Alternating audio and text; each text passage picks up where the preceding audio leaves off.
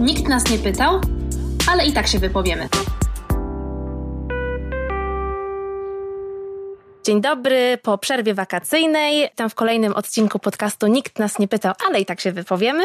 No i oczywiście realizując główną myśl tego podcastu, czyli oddawanie sobie prawa do mówienia udzielanie sobie samodzielnie głosu, czyli idealna strategia feministyczna. Działamy w tym duchu i kolejny odcinek bardzo specjalny, ponieważ mam znowu ogromną przyjemność rozmawiać z osobą, którą uwielbiam i która po prostu ma tak dużo do powiedzenia i popularność dwóch odcinków, które miałam okazję przeprowadzić z tą oto wspaniałą osobą pokazała, że chcecie jej więcej w tym podcaście, więc oto proszę bardzo na specjalne życzenie dużej ilości odsłuchów Marta Mazurek. Witaj Marto. Bardzo mi miło, dziękuję serdecznie serdecznie. Świetny podcast, świetny tytuł i dziękuję za zaufanie i mam nadzieję, że nie zawiodę. Ja tutaj ręczę za Martę całym swoim feministycznym sercem, które ona tutaj wlała tą całą myśl feministyczną, a przynajmniej jej bardzo duże zaczątki i tylko gwoli przypomnienia dla osób, które dopiero na przykład do nas dołączyły albo mają na przykład potrzebują odświeżenia w swojej pamięci. Martę miałam przyjemność poznać na studiach, które robiłam w ramach studiów podyplomowych na poznańskim łamie Gender Studies. Wtedy się poznałyśmy. Ja absolutnie zakochałam się w tym, jak Marta wykłada, jaką jest wykładowczynią i jak potrafi wspaniale snuć historie, jakie to są historie. No i potem już tak miałyśmy przyjemność gdzieś tam się widywać, spotykać. Ja też obserwowałam karierę dynamiczną Marty. To, czym obecnie się Marta zajmuje, jest pełnomocniczką w sprawie równego traktowania w Urzędzie Marszałkowskim. Jest też aktywną działaczką i po prostu wspaniałą kobietą.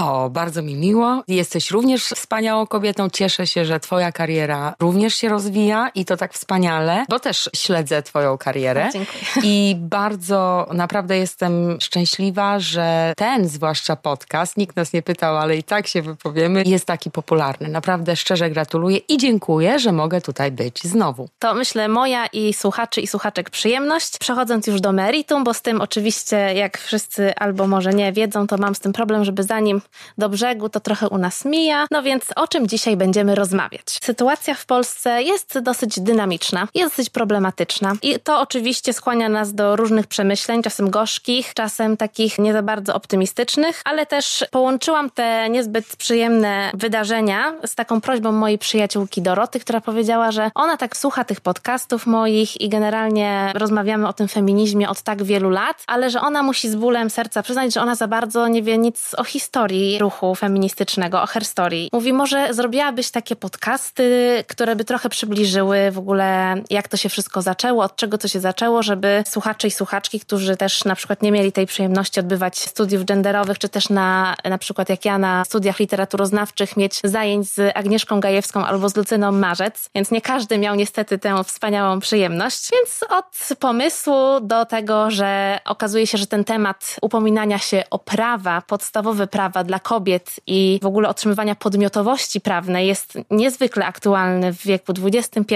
wciąż, a w roku 2020 szczególnie. No i tak właśnie sobie siedzimy z Martą dzisiaj, trochę o tym będziemy opowiadać. Tak, i bardzo się z tego cieszę, bo rzeczywiście często jak czytam wypowiedzi albo czytam różne opinie, które wydają się być być może nawet autorkom i autorom czymś nowym, to zawsze się zastanawiam, że powinniśmy jednak wrócić do tekstów napisanych na przykład na przełomie XIX i XX wieku, bo wszystko już było. Wszystko już było i jest zaskakująco aktualne i czasami to jest naprawdę, ja mam czasami taką gęsią skórkę, bo myślę sobie, że wow, już wtedy w takich okolicznościach, gdzie naprawdę tej prawnej podmiotowości kobiety nie miały i musiały bardzo o nią walczyć, a teraz niby ją mamy i ciągle się dopominamy o takie bardzo podstawowe rzeczy. No i to naprawdę powoduje, że no jednak chyba coś tutaj jest nie tak. Dlatego dzisiaj zapoczątkowujemy taki cykl mam nadzieję trzyodcinkowy, zobaczymy jak się rozgadamy, o tak zwanych falach feministycznych, które są opisane w opracowaniach podzielone na trzy feministyczne fale. Dzisiaj opowiemy tej, o tej pierwszej, która związana jest bezpośrednio z ruchem, który walczył o prawa wyborcze, o prawo do edukacji kobiet. No i to jest gdzieś tam klasyfikowane na drugą połowę XIX wieku, początek wieku XX. Jeszcze może taki woli wstępu, to metafora fal pojawiła się w myśli feministycznej w latach 70. XX wieku dopiero i to wtedy się pojawiła, kiedy właśnie myślicielki feministyczne, filozofki zaczęły przewartościowywać to, co wypracowały ich poprzedniczki w ubiegłych latach i zaczęły dochodzić do trochę innych wniosków i żeby w jakiś sposób, jakby nie oscinając się, ale pokazując kontynuację i nową w tej myśli feministycznej, potrzebowały takiej metafory, żeby opisać jakąś tą płynność w rozwoju tego ruchu i tej myśli feministycznej. Tak, i ta fala, ta falowość ruchu, bo rzeczywiście to była ta druga fala i to jest termin bardzo mocno amerykański, też chyba wydaje mi się dość solidnie osadzony w takiej też mentalności amerykańskiej, bo w Ameryce mówi się również na przykład o falach przebudzenia religijnego. I ja zawsze miałam to skojarzenie, że następowały takie fale na początku w XVIII wieku, to było tak, zwany, tak zwane wielkie przebudzenie religijne, później było na początku XIX wieku. I zresztą ja bardzo mocno widzę, że na tej drugiej fali przebudzenia religijnego zrodziła się również aktywność, taka myśl na temat no, tych praw kobiet, tak? Czy jest związany jakby z drugim przebudzeniem, natomiast ta pierwsza fala. Metaforyka fal każe nam myśleć, że ruch ten feministyczny albo ruch kobiet walczących o prawa kobiet jest jak gdyby takim wielkim przypływem. On przebiega przez całe Stany, społeczeństwo, kontynent czy kontynenty. Następnie jakoś się trochę jednak osłabia. I to, że mamy te fale feminizmu, czyli ta fala to jest ten okres największego natężenia i następnie jest jakby takie troszeczkę wyciszenie, może być często spowodowany albo uwarunkowaniami historycznymi, jak na przykład wojna, wybuch wojny, albo później po takiej fali i jakichś dokonaniach i wywalczeniu sobie przez kobiety pewnej pozycji czy pewnych praw, takich emancypacyjnych kwestii, następuje backlash, czyli następuje reakcja na te zdobycze, tak? Bardziej, bardziej właśnie taka konserwatywna i to miało miejsce też po drugiej fali, no i pewnie też trochę jednak po pierwszej fali, jak sobie być może to jakoś tak zaznaczymy.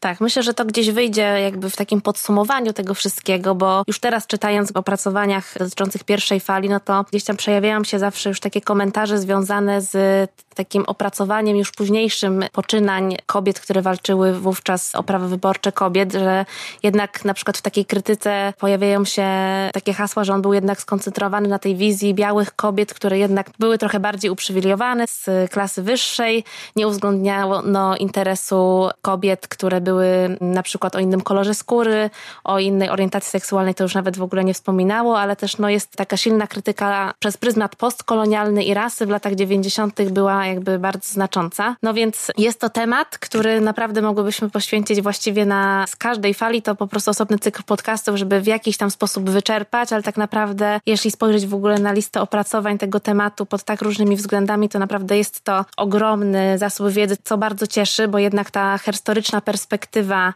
w ogóle opowiadania historii, której jakby wciąż zauważamy wielkie braki, jest coraz bardziej opisywana, coraz bardziej komentowana, co jest oczywiście super ważne i bardzo cieszy, ale że wiadomo, my sobie tutaj rozmawiamy na różne rzeczy i trochę będziemy sobie tutaj łączyć z jakimiś współczesnymi wydarzeniami, to co, o czym będziemy mówić, gdzieś tam pokazywać jakąś taką kontynuację tej myśli feministycznej, no i po prostu asekuracyjnie powiemy, że tematu nie wyczerpiemy i po prostu mamy nadzieję, że Was zachęcimy do dalszego odkrywania. Tak, ale dajemy sobie prawo do takiej swobodnej rozmowy i niekoniecznie będzie to, o czym dzisiaj będziemy rozmawiać, niekoniecznie będzie to data i to osiągnięcie, tak. albo data i to osiągnięcie. Wydaje nam się, czy chciałybyśmy poruszyć tę, czy opowiedzieć troszeczkę o pierwszej fali z perspektywy zarówno amerykańskiej, jak i z perspektywy europejskiej, a tutaj chyba najbardziej mocno, jeżeli chodzi o Wielką Brytanię, tak? Być może wspomnimy perspektywę też polską, zobaczymy, czy nam się uda. Natomiast ja rzeczywiście chciałabym zwrócić uwagę na to, że to, co mówimy o pierwszej fali, to, co w ogóle istnieje w świadomości, to ta pierwsza fala feminizmu to był ten ruch sufrażystowski, czyli ruch kobiet, które walczyły o prawa takie polityczne, tak? tak? Czyli o prawo do głosowania i w zasadzie ta opowieść trochę się zawsze kończy na tym roku, nie wiem, 1918 na tak. przykład w naszym przypadku, przypadku, prawda, 1920 na przykład w przypadku Stanów Zjednoczonych, tak? Czyli te wszystkie opowieści, które już mamy spisane w postaci filmu, czyli o amerykańskiej tym takim szczycie tej fali, tak? Walce o prawa kobiet. To film z 2004 roku pod tytułem Niezłomne, o brytyjskiej tym szczycie fali, tak? Czyli walki o prawa polityczne. Film z 2015 roku Sufrażystka. No i wreszcie doczekałyśmy się i doczekaliśmy się także tej herstorii filmowej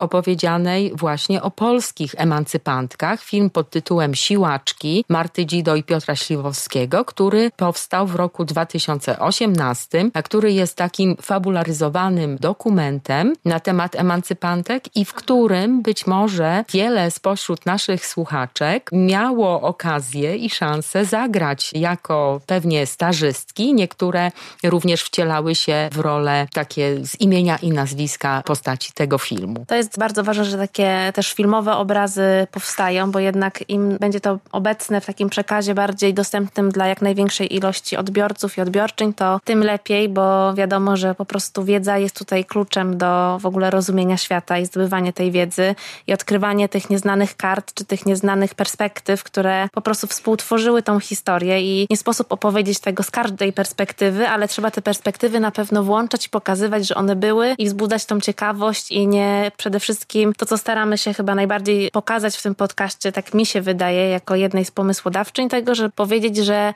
nie ma jednej wersji opowiedzenia tego świata. Nie, nie ma jednej wersji i rzeczywiście to, że te filmy koncentrują się, czy ich jakieś takie punkty kulminacyjne, to jest właśnie ten moment, kiedy jakiś prezydent, prawda, albo ewentualnie marszałek podpisuje ten dokument, że oto teraz można głosować bez różnicy płci. Ono wydaje mi się takie spojrzenie z jednej strony wspaniale buduje tę historię, pokazuje, że była to walka, bo to też jest ważne. Tak. To wszystko była walka i walka skuteczna i walka zwieńczona sukcesem. Niemniej jednak, no pewnie też no to przerwanie jak gdyby, na przykład jest spowodowane, jeżeli to jest 1918 rok, jakimiś innymi procesami ważnymi, ale to się też odbywa zazwyczaj po wojnie, prawda? Bo okres wojenny w ogóle jest zazwyczaj taki, że mężczyźni idą walczyć, a kobiety zostają i sprawiają, że ten kraj y, ciągle funkcjonuje. Czyli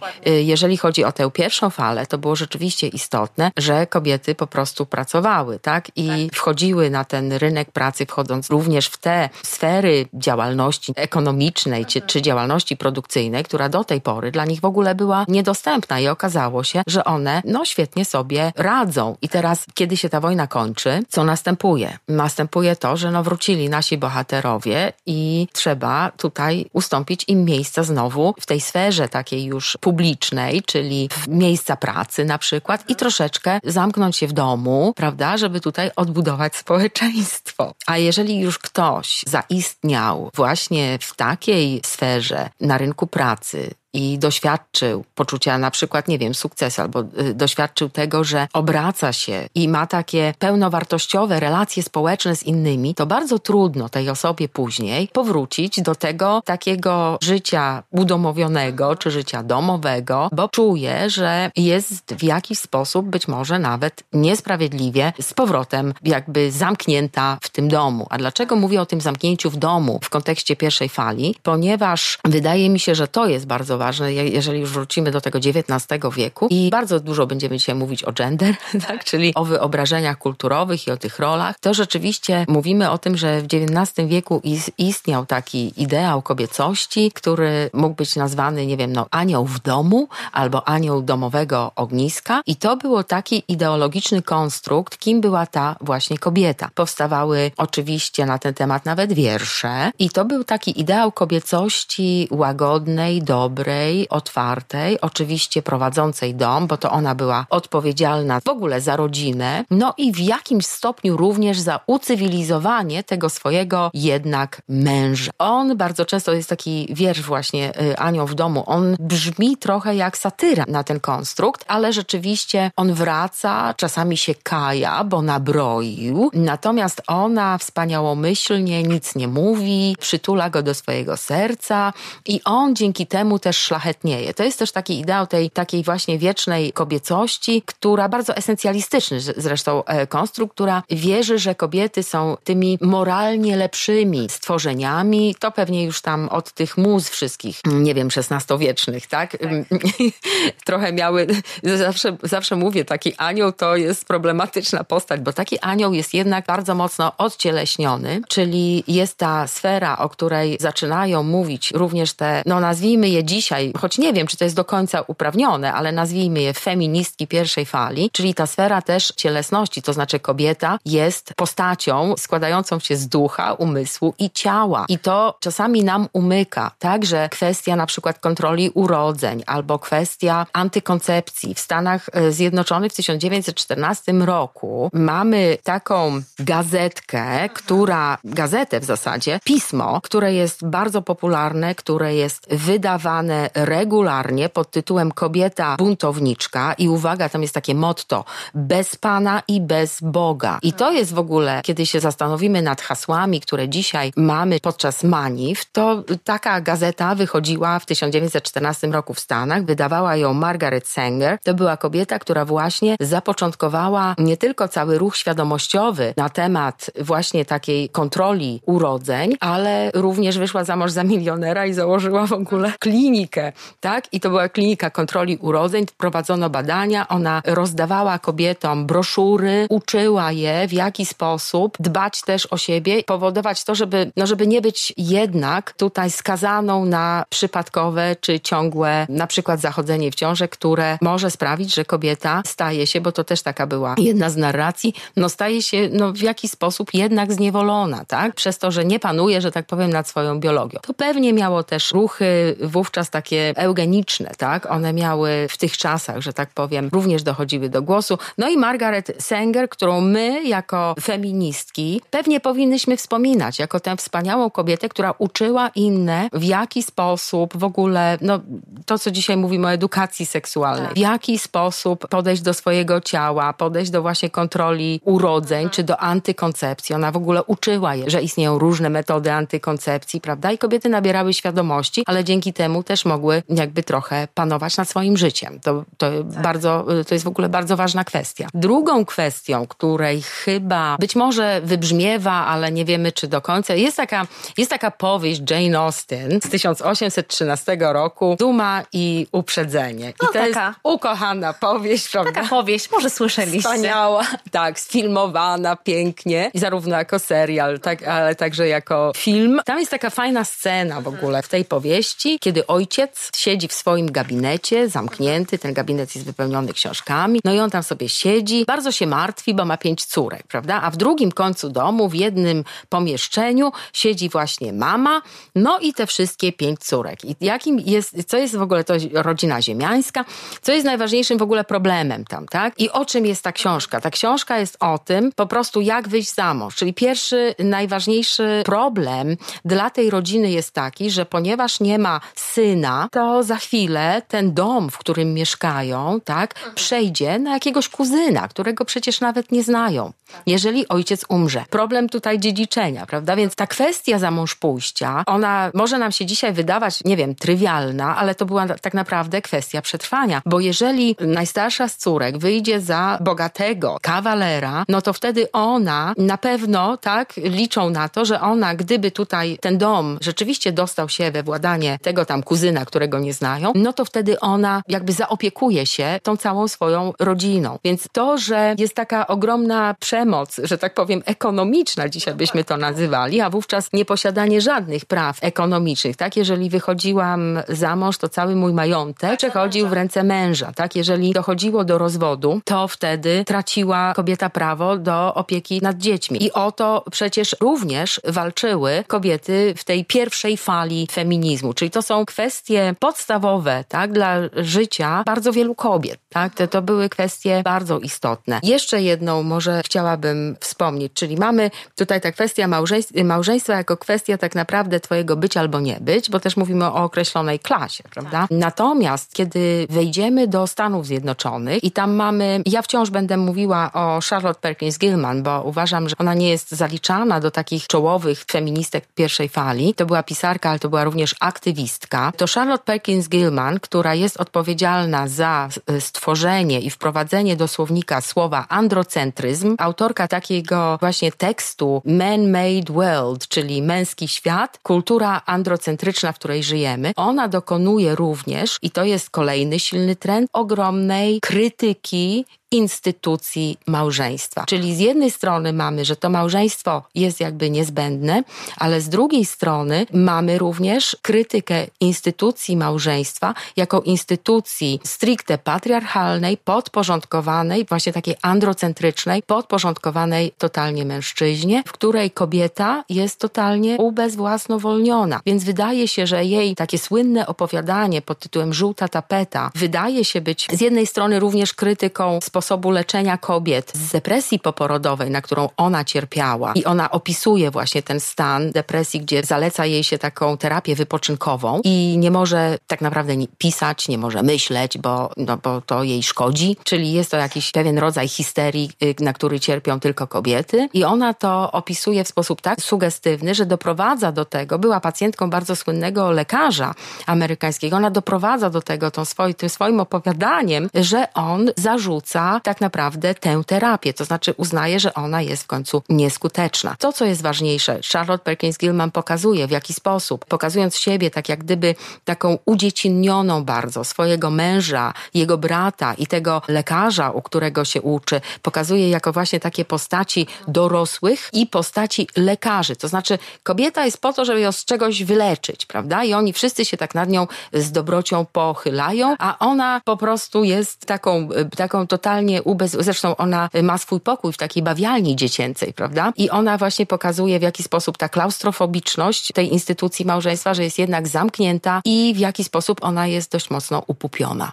Y, nie była jedyną. To jest w ogóle, wydaje się, taki trend. Wówczas też w literaturze amerykańskiej Kate Chopin z taką powieścią, to dzisiaj kanoniczna powieść, Przebudzenie, tak? 1904 rok, to samo. Pokazuje, w jaki sposób instytucja małżeństwa, te relacje małżeńskie, które są nie do końca satysfakcjonujące, satysfakcjonujące dla kobiety i wreszcie jej takie przebudzenie no, seksualne, prawda? To był temat tabu wówczas, tak? Czyli ona wywołała skandal tą powieścią, ale pokazywała, że to, co mamy, ta kultura, ten anioł w domu, to on niekoniecznie odpowiada ani potrzebom kobiet, ani w ogóle niekoniecznie jest wizerunkiem, do którego chciałyby dążyć, ani który w ogóle spełnia, być może to jest ideał na początku, ale on w ogóle, kobieta się nie może w ogóle w nim odnaleźć, tak? Że jest bardzo ograniczony ograniczający. Z tego, co wszystkiego mówisz, to jakby widać taką bardzo spójną rzecz, którą po prostu wyłania się, czy też opracowania związane z tym, jak te początki feminizmu i tej walki o prawa wyglądały, czy w Polsce, czy właśnie w Wielkiej Brytanii, czy w Stanach Zjednoczonych, czy w ogóle y, w Europie, można powiedzieć, to jest właśnie to przebudzenie związane z tym, że chcemy w końcu samostanowić o sobie, że to samostanowienie będzie dotyczyło zarówno cielesności, tego, żeby nie tylko móc decydować o swoim ciele, ale też, żeby na przykład przykład nie było podwójnych standardów, jeżeli chodzi o ocenianie kobiet i ich seksualności, bo oczywiście był taki kult, do dzisiaj istnieje tego, żeby zachować tą czystość do ślubu, ale mężczyzna nie musi jej zachować. No i, i jakby nie widzi się tej ogromnej dysproporcji, jeżeli chodzi o postrzeganie tego, no i jednak i skoro mężczyzna nie musi jej zachować, i, a kobieta ma, no to jakby z kim ci mężczyźni mają realizować te swoje uciechy seksualne? Jakby to jest w ogóle tak absurdalne, że trudno sobie wyobrazić. No, nie, no y, oczywiście jest prostytucja, prawda? Jest prostytucja, ale też ta instytucja kobiet, które nie nadają się do małżeństwa, bo po prostu nie pasują do jakiejś normy przyjętych kobiet, które są porządne na przykład, nie? Więc to jakby gdzieś tam też się pojawia. No i też problem prostytucji prostytucji był też bardzo często podejmowany przez działaczki. W tym obszarze samostanowienia też jest bardzo ważny wątek dostępu do edukacji i do tych zawodów, które były typowo męskie. I to też się wiązało z tym, że kobiety po prostu w związku właśnie z wojnami, o których wspominałaś, czy jakby,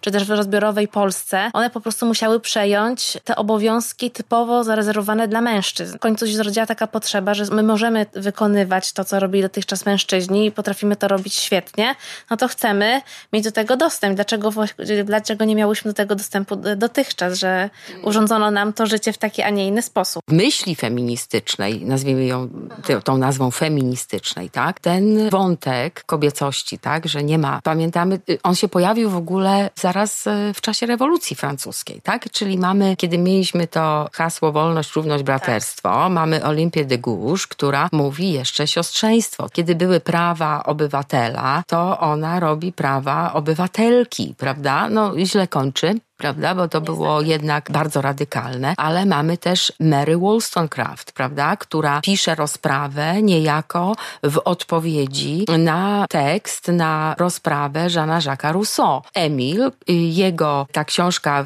pokazuje, czy, czy może to do dzisiaj jest stosowana jako ten taki wyznacznik takiej, e, takiego procesu edukacji dostosowanego do wieku, do wymogów, uszlachetniającego i tak dalej. Natomiast to, że Emil jest bardzo pięknie kształcony na takiego moralnego, odpowiedzialnego obywatela, no to nie znaczy, że tam jest chyba Sofia, ona jest, po prostu ona się uczy szydełkowania, tak, śpiewania. To wzbudzało już wówczas, wtedy na tej fali rewolucji francuskiej, kiedy mówimy o tej równości, to to już zostało od razu zauważone, tak, czyli mamy ten koniec, nazwijmy to, XVIII wieku. Ja wciąż myślę, że ważnym, bo kiedy mówimy o tych początkach, tak, to zupełnie inaczej wygląda w Stanach Zjednoczonych, bo w Stanach Zjednoczonych w 1833 roku powstaje taki ruch antyniewolniczy, czyli ruch abolicjonistyczny. W ten ruch zaangażowane są bardzo mocno kobiety. Trzeba jeszcze wiedzieć dlaczego kobiety. Kobiety w XIX wieku angażowały się we wszystkie właśnie takie ruchy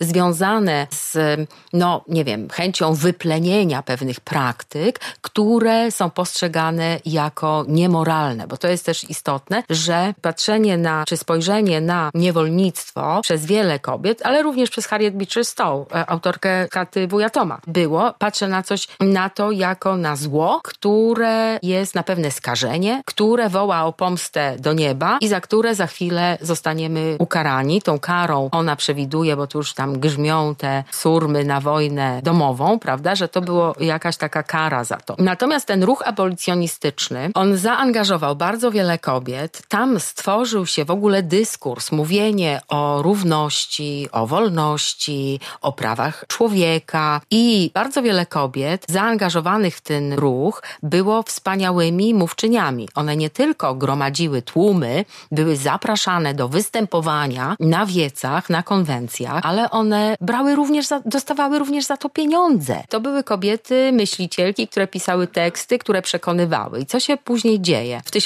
1840 1940 roku w Londynie jest wielki zjazd antyniewolniczy. No i oczywiście to stowarzyszenie abolicjonistyczne ze Stanów Zjednoczonych jest również zaproszone. Zresztą y, tam było 50 osób. To była największa, że tak powiem, delegacja po brytyjskiej, tak? No i przyjeżdżają kobiety, bo przecież one y, wiodą prym w tym ruchu abolicjonistycznym. Tam była Lucrecja Mott i tam była Elizabeth Cady Stanton. I one przyjeżdżają i nagle co się okazuje? Okazuje się, że one nie mogą usiąść tam, gdzie siedzą wszyscy zaproszeni mówcy, bo tam mogą tylko siedzieć dżentelmeni, a panie mają siedzieć tam w tylnych rzędach gdzieś na półpiętrze. Oczywiście niektórzy delegaci amerykańscy, którzy przyjechali razem właśnie z tego stowarzyszenia, między innymi sam założyciel Garrison, po prostu na znak solidarności siadają z tymi właśnie z tymi swoimi koleżankami delegatkami. One są tym tak oburzone i to jest bardzo ważny moment, bo tam się spotyka Lukrecja Mott, która była anty, właśnie taką działaczką ruchu abolicjonistycznego i ona doznaje takiego szoku, że jej się nie pozwala tam wypowiedzieć w tej Anglii, w tym Londynie, że one wracają do Stanów i mówią, no tak, nie może być. Czyli w niej się zbudził taki gniew i szok, że ona się zaangażowała również w prawa kobiet, prawda? Rzeczywiście, kiedy w Stanach Zjednoczonych dochodzi do tego historycznego momentu, w 70. 70. rocznica niepodległości, tak, 1800 1848 rok, 4 lipca i po tej rocznicy spotykają się kobiety przy herbatce i tak sobie rozmawiają, że mówią, no dobrze, no my tutaj ideały demokracji, przecież one mają to, y, że tak powiem, we krwi, sobie o tym mówimy, jesteśmy, są bardzo mocno świadome, jeżeli chodzi właśnie tutaj o te y, takie prawno-człowiecze, demokratyczne idee, ponieważ walczą w tym ruchu abolicjonistycznym i mówią, no zaraz, zaraz, no to zrobimy sobie konwencję, zobaczymy, jak tu ewentualnie można by mówić o prawach kobiet. I rzeczywiście w Seneca Falls, w kaplicy, odbywa się ta pierwsza konwencja, ta słynna konwencja, podczas której one i oni, bo tam też przyjeżdżają aktywiści, właśnie też abolicjoniści, mężczyźni, tworzą taki dokument, który się nazywa Deklaracją Sentymentu, na wzór Deklaracji Niepodległości. On ma nawet tę samą preambułę, tylko tam wszędzie jest dołączone kobiety, mężczyźni i kobiety. No i później oczywiście mają swoją całą listę na wzór, znowu tak jak było w Deklaracji Niepodległości, mają całą listę tych swoich oczekiwań i one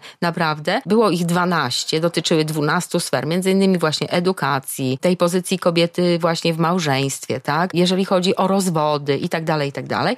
I, Prawo i wyborcze, tam bierne To jedyne było. To było jedno i siedziały i tak się wtedy zastanawiali, tak? Wtedy była bardzo duża dyskusja nad tym, czy w ogóle mamy to umieszczać, czy nie. To było takie szalone, to był chyba dziewiąty punkt. I one dostały takie bardzo mocne, takie bardzo duże wzmocnienie też od tutaj y, takich, no, czarnych aktywistów, którzy walczyli właśnie o prawa dla, dzisiaj nazwiemy Afroamerykanów, a wówczas, żeby właśnie abolicjonistów. Bo oni upatrywali dla siebie tej szansy, że jednak moglibyśmy połączyć siły, prawda? I rzeczywiście ta dziewi to dziewiąte żądanie, tak, że kobiety mają prawo wyborcze, ono się tam znalazło i okazuje się, że za kilka tygodni, kiedy mm, rozeszła się wieść o tym, no to najbardziej właśnie za to je krytyk, nie za inne postulaty, tylko właśnie za ten postulat je krytykowano. No i, i co się dalej dzieje? No dalej się dzieje, że rzeczywiście po wojnie secesyjnej, prawda, mamy poprawkę, która daje, która kwiduje niewolnictwo, tak, w Stanach Zjednoczonych i no ona daje prawo głosu dotychczasowym niewolnikom. Oczywiście na różnych tam warunkach okazuje się, że tym obywatelom, tak, bo teraz to są obywatele, wszyscy są obywatele, no i wszyscy obywatele bez względu na kolor skóry tam mają prawo głosu, tylko że obywatele to są znowu mężczyźni tak? Gdzie są te obywatelki? I tam dokonuje się pewien rozłam rzeczywiście, bo Elizabeth Cady Stanton, Susan B. Anthony mówią, ale zaraz, zaraz,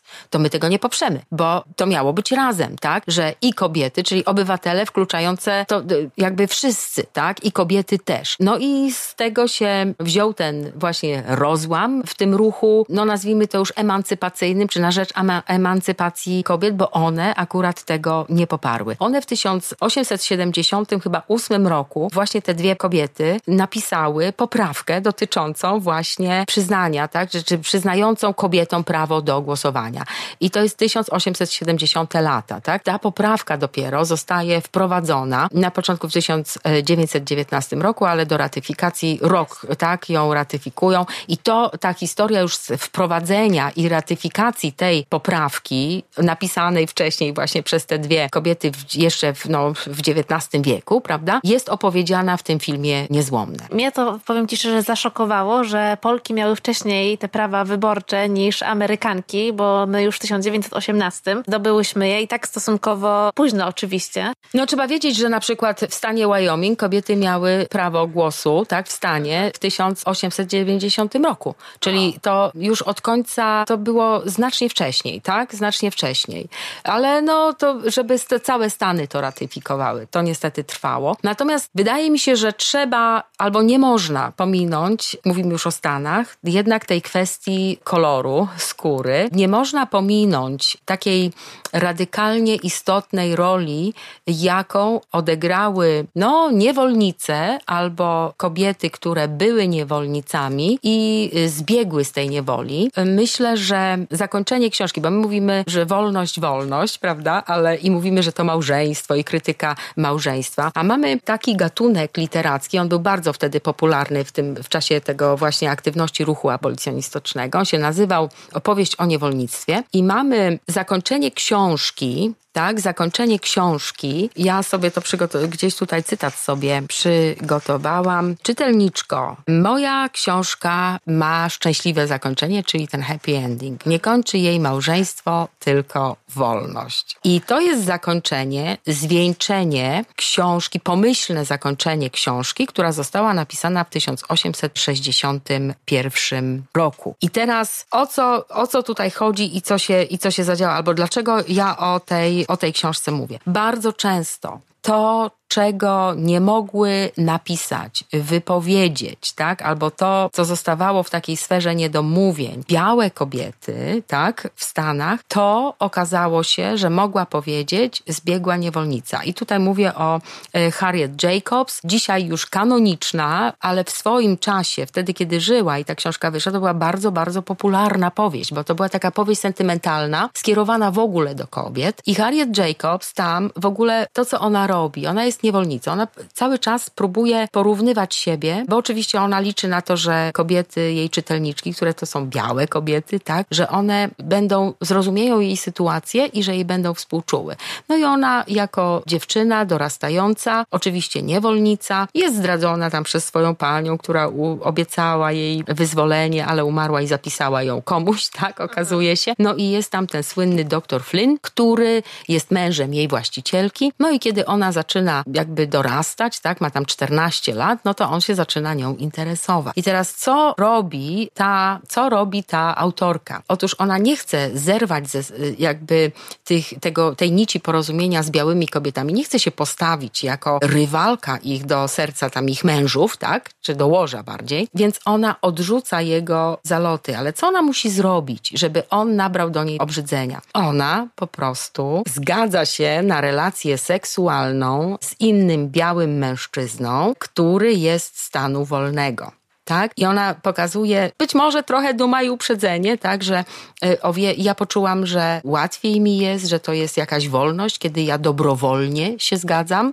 tak? A nie to, kiedy jestem brana siłą, prawda? I ona pokazuje tego doktora Flina jako takiego właśnie trochę oprawcę. On ją cały czas, ona się cały czas bała, jak była w tym domu. I ona mówi do tych kobiet, y, czytelniczko, czy ty mnie zrozumiesz? Pewnie mnie nigdy nie zrozumiesz, jak to jest, bo twoja cnota jest chroniona oby obyczajem, prawem, a moja jest niczym, tak? Bo ja jestem tylko niewolnicą. I na pewno nigdy nie miałaś tak, że jak siedzisz w swoim pokoiku, to słyszysz te kroki i drżysz, prawda? Ja y, zawsze, tak jak sobie to czytałam, to myślałam, że ona takie trochę robi jednak porozumiewawczy gest w stosunku do kobiet, białych tych swoich czytelniczek, bo zakładamy, że bardzo wiele białych czytelniczek również coś takiego przeżywało, ale nigdy tego nie mogło wyrazić. Natomiast jej, że tak powiem, ona mogła, ona mogła być bardziej radykalna. Ona zagrała swoją tą seksualnością, cnotą, ona straciła cnotę, czyli to, do czego aspirowały wszystkie, tak, żeby być tymi ulubienicami, tymi wybranymi. Ona zrobiła to z premedytacją po to, żeby uciec, tak, od tego doktora Flina i to, co ona pisze, najbardziej to chciałam zajść w ciążę, żeby on zobaczył, że mam brzuch. I wtedy by naprawdę już mnie odrzucił i znienawidził i rzeczywiście on ją odrzucił. Natomiast Natomiast to jest zupełnie inna powieść niż, nie wiem, Niewolnica Izaura, albo niż te powieści tam XVIII-XIX wieczne, które na przykład, nie wiem, no, bajka tam Piękna i Bestia, prawda? Albo jakaś angielska taka znowu bardzo kanoniczna powieść Pamela, albo Cnota właśnie, Nagrodzona, gdzie ten oprawca, że tak powiem, czy ten, czy ten, nie wiem, czy syn, czy jakoś tak, że ona jest raczej biedniejsza, bo to tak zazwyczaj była taka bajka o Kopciuszku, że ona jest taka biedna i pracuje u kogoś, prawda? I jedyną jej wartością jest ta cnota i przychodzi, nie wiem, czy syn, czy dziedzic i on na tę cnotę nastaje i cała walka o to się toczy, żeby ona po prostu utrzymała tę cnotę, a on na końcu, co się stanie na końcu? Na końcu on już poddaje się, klęka i jej się oświadcza i ona jest szczęśliwa, prawda? I to, co robi, to, co robi Harriet Jacobs, powiada, że nie, jeżeli ja się go bałam, jeżeli on nastawał, to ja zrobię wszystko. Ja zrezygnuję z aspirowania do tej kobiecości po to tylko, tylko, żeby przed nim uciec, tak? I ona tam w ogóle pisze o nienawiści, co jest niesamowite. Ona pyta czytelniczko, czy ty kiedyś nienawidziłaś? Tak jak ja nienawidzę. To jest, to jest piekielne uczucie. No niesamowity, niesamowicie... Nie szczęka opadła w tym momencie. To jest w ogóle tak niesamowita tak, historia. Tak, to ja mówię, że to, co robiły też, to, co robiła literatura, właśnie tak zwana literatura o niewolnictwie, albo to, co robiły właśnie czarne kobiety, jako te, które nie pasowały do tej kategorii kobiet, prawda? Jakie one radykalne ruchy wykonywały. Inną kobietą, to jeszcze być może tutaj zdążę opowiedzieć, jest Sojourner Truth. To jest kobieta, która brała udział w ruchu abolicjonistycznym. Ona dzisiaj jest uważana za protofeministkę. To jest w ogóle niesamowita opowieść. Niewolnica, oczywiście zbiegła niewolnica, oczywiście niewolnica, do której przemówił, którą oświecił Duch Święty, bo wiele, bardzo wiele kobiet, właśnie niewolnic albo czarnych kobiet, brało swoją siłę z tego wielkiego przebudzenia religijnego, które mówiło, że każda indywidualna osoba, bez względu na to, czy jesteś kobietą, czy mężczyzną, wtedy powstawały też y, kościoły, tak, te, te wyznania metodystyczne, czyli jestem teraz po prostu kaznodziejczynią, bo zostałam oświecona, czyli bardzo wiele kobiet doznawało tego oświecenia religijnego i one, będąc w oficjalnym, instytucjonalnym kościele, one nie mogły, tak, jakby przemawiać, ale ona mówiła, ja sobie nie robię nic z twoich zakazów, bo mnie Bóg oświecił, Duch Święty mnie oświecił i ja teraz idę, prawda? One jakby odzyskiwały ten swój głos, albo uzyskiwały ten swój głos i w imię tego, że dostały te takie dary mocy, jak to Alice Walker nazwała, one po prostu same zakładały kościoły, tak? Zakładały komuny, zakładały składające się tylko z kobiet, prawda? I takie wyznania, takie grupy religijne, ale przy tym to, co robiła Sojourner Truth, ona była bardzo popularną mówczynią, była w ogóle legendarna. Jej też płacono. Ona w 1840 roku podyktowała swoją, bo nie umiała pisać, więc podyktowała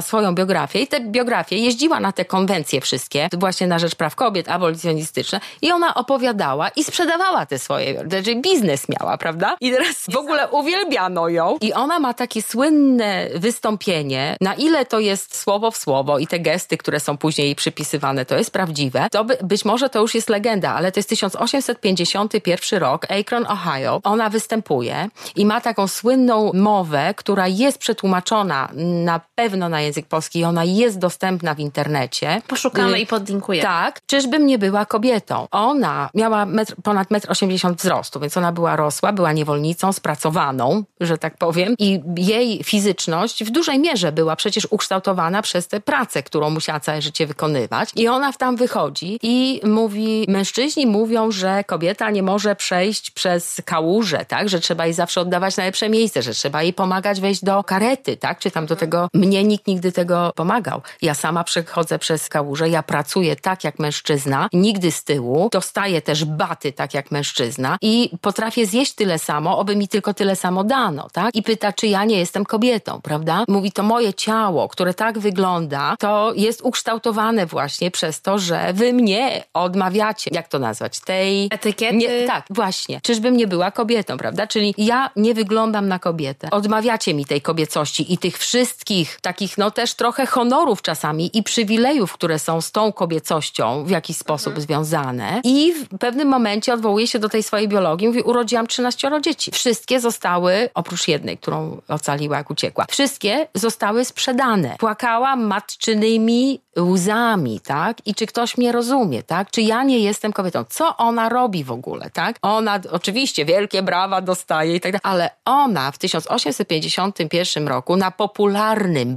bardzo, ogromnym, na ogromnej konwencji, czyli zgromadzeniu, ona w ogóle podważa tę konstrukcję kobiecości, prawda? Sama sobą, swoim ciałem, ale też tym, co mówi. Więc jakby takie i jest bardzo popularna i naprawdę jej słuchają. Więc jakby kwestie, o których my sobie mówimy o konstruktach kobiecości, co to jest być kobietą, co nie być, one istniały. No ja nie wiem, czy w powszechnej świadomości, bo to y, pewnie takiej tej powszechności na zasadzie, nie wiem, bo jest telewizja i są gazety, nie było, ale jej ta autobiografia podyktowana była bardzo popularną książką. Czyli te idee już istnieją i o dziwo, to właśnie te kobiety, którym odmawiano tej właśnie etykiety kobiecości, tak, których nie chciano zaliczyć do tej kategorii kobiet, to one rozsadzają te kategorie. Po prostu sobą pokazują, że można inaczej. Otwierają pewne furtki, które obserwują, nie wiem jak to nazwiemy dzisiaj, białe kobiety klasy średniej, które jakby tworzą, czy o których tworzona jest ta główna narracja. Teraz z perspektywy oczywiście naszej, kiedy właśnie my opowiadamy o myśli feministycznej z tak wielu wątków, no to jakby główna krytyka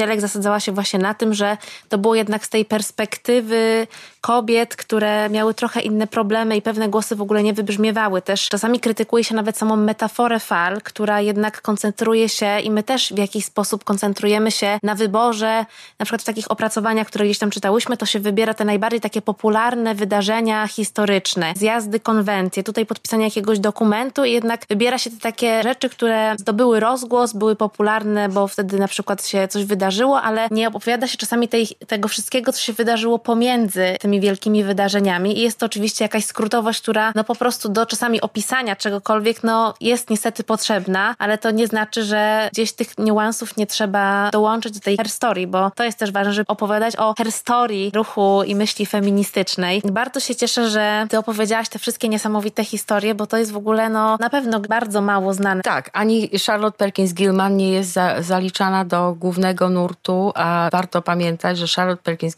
Gilman była naprawdę ona jest również autorką feministycznej utopii pod tytułem Jejlandia, Herland. I ona naprawdę jeździła z odczytami. To, to nie było tylko, że ona siedziała i była pisarką. Ona była aktywistką. Nie jest zaliczana jakby tak, ona jest na poboczu, że tak powiem, tak, ale jest. To była kobieta, która rozwiodła się, tak, jeszcze w XIX wieku. Długo to trwało, zanim udało jej się rozwieść i uwaga, dostała też opiekę nad dzieckiem. Ale uznała, że to tak nie może być, że przecież ojciec tak samo ma prawo wychowywać swoje dziecko, więc, że tak powiem, dzieliła wychowanie z ojcem, z ojcem córki. XIX wiek. Tak. Następna rzecz, ona y, bardzo dużo też mówiła o prawach zwierząt. Ona walczyła o eutanazję, zresztą pod no pod koniec, tak, w 1935 roku wykryto u niej raka piersi i ona dokonała samobójstwa chloroformem, ponieważ powiedziała, że woli chloroform niż raka, to jest jedna rzecz, tak, czyli dokonała, że tak powiem, eutanazji. Opowiadała się za tym wyborem, tak, czyli mamy, mamy po prostu osoby, które istniały, o których wiedziano, one istniały w tym takim obiegu, no może nie totalnie mainstreamowym, ale ona była aktywna i na jednym wybrzeżu i na drugim, tak, także samo to, że jej e, opowiadała opowiadanie doprowadziło do zaprzestania terapii przez najsłynniejszego psychiatrę Ameryki, tak, i w ogóle do zarzucenia tej metody leczenia, to też oznacza, że ona jednak miała coś do powiedzenia. To nie jest tak, że nie miała. Więc ona, no nie wiem, no Emma Goldman, tak, która uważana i, i no, która była anarchistką, tak, albo e, nazwijmy to też, ona była taką radykalną feministką. Ona mówiła, że ta pierwsza fala, tak, czyli ten feminizm, to nie jest ta rewolucja, do której ona może tańczyć. To, to nie jest moja rewolucja rewolucja, tak? Ona była o wiele bardziej y, postępowa. Ona właśnie wspomagała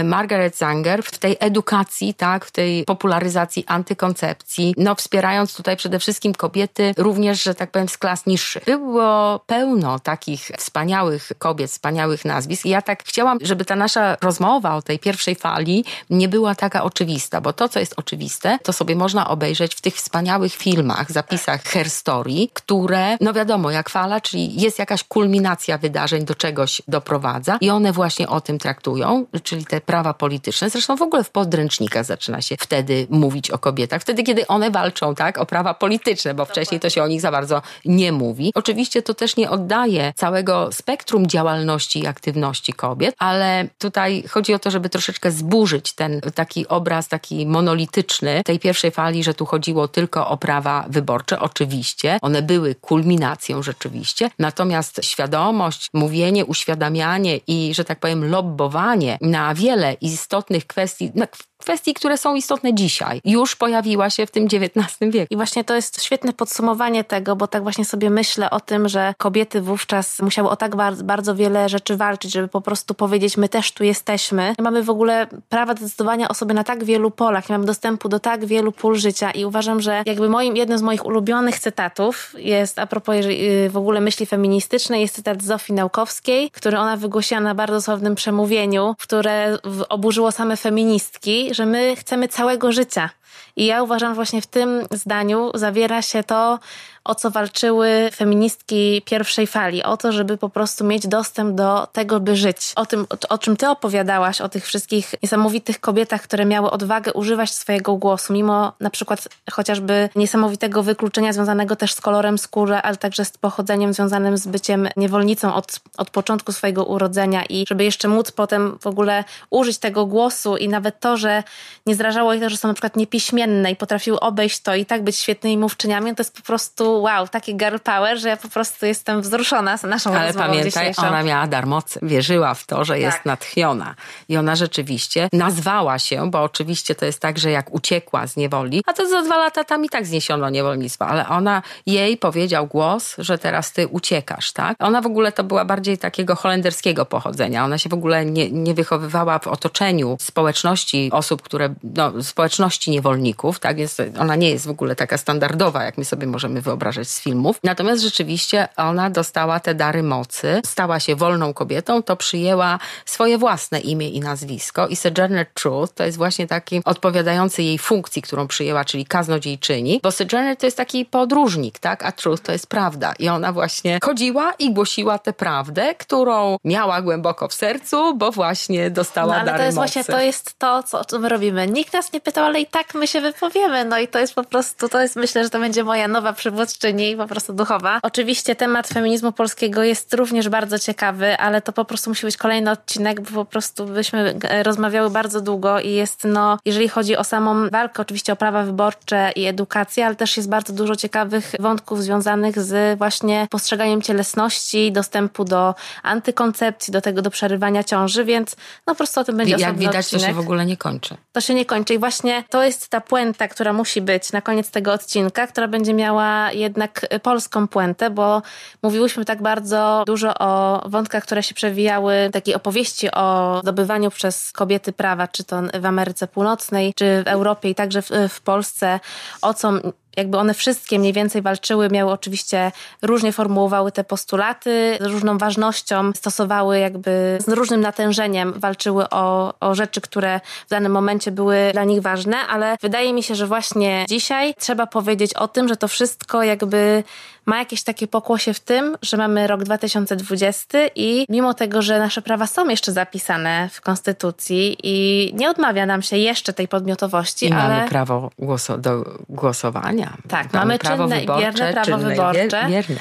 Ale mimo tego, że e, mamy od 102 lat to prawo i mi się wciąż, ja po prostu nie mogę w to uwierzyć, że to jest tylko 102 lata, bo naprawdę ja e, z perspektywy osoby, która żyje 31 lat na tym świecie, to sobie myślę o tym, że jeżeli ja miałabym się urodzić na przykład 150 lat temu i miałabym jeszcze żyć w braku podmiotowości i tego, że w ogóle nie, nie wiadomo kim bym była, ale na pewno nie byłoby mnie w ogóle w prawie, nie uwzględniano by w ogóle moich praw i nie miałabym w ogóle no nic bym nie miała, no bo prawo, nasze prawo do tego, że jesteśmy uwzględniani, nie jesteśmy pomijani, to jest jakby no wszystko w tym świecie, szczególnie teraz. No całą młodość byś spędziła zastanawiając się, gdzie tu szukać dobrego męża, żeby tak, szydełkowałabym i przeżyć. śpiewałabym. Ale żeby przeżyć, tak, To też by była kwestia, gdybyś nie miała brata i bałabyś się, że twój tata. Zależy, gdzie bym się urodziła. To jest jakby clue tego i słyszymy coraz y, głośniejsze głosy kontrowersyjnej, bardzo skrajnej, ale coraz y, bardziej słyszalnej prawicy, która mówi o tym nawet, by odebrać prawa wyborcze kobietom, bo są nierozumne, emocjonalne i tak dalej. Mamy projekty ochrony życia przygotowane przez kobietę, Kaję Gondek i mamy też kontrowersje związane z konwencją stambulską. I jakby same zapisy tej konwencji, Ale jakie kontrowersje mamy no kontrowersje, związane z konwencją stambulską? kontrowersje, jeżeli chodzi o podejście władz polskich A. do. Tak, nie, oczywiście to jest jakby dokument, który jest uznawany za jeden z modelowych, z modelowych konwencji, ale mówię tutaj o sytuacji polskich polityków y, obecnie rządzących, którzy próbują przedstawić Są jakieś takie nieprawidłową interpretację Tak. zapisów, które tam są i zmanipulować je w opinii publicznej w taki sposób, że opowiadają o rzeczach, których tam w ogóle nie ma. Tak, i rzeczywiście jak się to połączy, połączy się kropki, czyli połączy się jednak y, taki bardzo mocno ideologicznie forsowane rodzenie dzieci. Tak? Życie rodzinne. W tym oczywiście, że istnieje tylko jeden właściwy model rodziny. To, o czym powiedziałaś, również ta konwencja antyprzemocowa, tak? Że co to są tam za bzdury. Czyli to jest w jakiś sposób również taki backlash, który polega jednak na trochę wpychaniu znowu kobiet do tej sfery prywatnej z powrotem, tak. prawda? No tutaj danie pewnie pola do popisu dla przemocowców, że tak powiem, tak? To jest jakby przemoc, która wydaje się, że przemoc, w tym przemoc motywowana tutaj płcią i tym, w jaki sposób się postrzega kobiety, w jaki sposób się postrzega mężczyzn, mężczyzn kto ma prawo do czego, jest takim jednym z najważniejszych elementów, które stanowią o nierówności y, płci. Chciałam już powiedzieć, że Marta jest jedną z pomysłodawczyń i inicjatorek świetnej akcji. Po prostu ja uważam, że to jest wspaniały pomysł, po prostu genialny w swojej prostocie, o czytaniu konwencji. I może powiesz jeszcze dwa słowa. Czytamy konwencję, to jest taka akcja, która powstała jako akcja właśnie na Facebooku, akcja odpowiednia na czas COVID-u i akcja odpowiednia na wakacje. Oczywiście można zorganizować, nie wiem, publiczne czytanie na Placu Wolności, tak? Natomiast gorzej, jeżeli nie ma ciebie wtedy akurat tam na miejscu, no i też nie chcesz tworzyć kolejnego zgromadzenia, bo nie masz potemu możliwości. Więc Ale wiesz, wystarczy ile tych odczytów i tak, wszystkiego. Tak, wystarczy to, się nagrać. sami coś zrobić. Mm, wystarczy się nagrać. Nie musisz nagrywać filmiku z siebie. Możesz zrobić zdjęcie, tak? tak? Możesz napisać. Czytamy konwencję. To jest to, że ja w przestrzeni facebookowej czy w social mediach nigdy nie powtarzam bzdur, które uważam za bzdury polityków. Nigdy nie daję ich nazwisk, nigdy nie daję ich zdjęć. Zawsze staram się, żeby mój Facebook i to, co publikuję,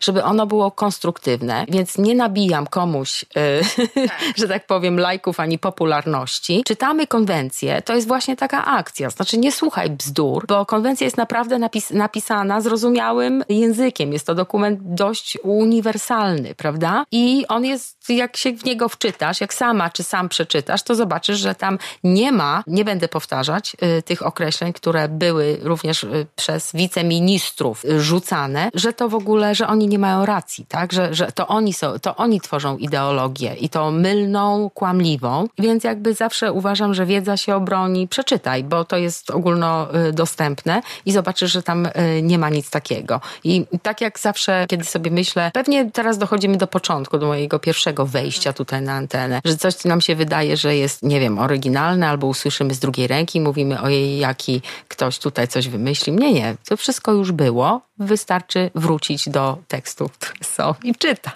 Więc ja uważam, że ta akcja jest genialna w swojej Zachęcam. prostocie. Proszę, włączajcie się w nią, bo to są bardzo ważne rzeczy, żebyśmy my jako obywatele i obywatelki, jako osoby, które mają prawa wyborcze, cały czas korzystali z tych praw i domagali się głośno swojego prawa, kiedy ktoś ma czelność nam odbierać to prawo do tego, żeby być sobą, decydować o sobie, bo każdy z nas ma prawo do tego, by chcieć całego życia. Tak, i jeszcze musimy pamiętać, że prawa raz wywalczone nigdy nie są dane na zawsze. Dokładnie. Więc bądźmy uważne i uważni, szczególnie w tym gorącym dla nas wszystkich czasie, bo świat w ogóle oszalał i to, co się dzieje w 2020, to jest w ogóle niesłychane. Czytajcie, edukujcie się, wysyłajcie innym, bo to jest po prostu bardzo silna tutaj moc social mediów wszelkich, czy to Instagrama, czy Facebooka i ta dostępność, powszechność jest tutaj naszą, myślę, wydaje jedyną ostoją właśnie w rozprzestrzenianiu takich akcji i nie tylko takich, ale po prostu wiedzy na temat tego, co się dzieje. Twoja strategia strategia a propos niepublikowania bełkotu, kłamstw bardzo mi się podoba i chyba ją po prostu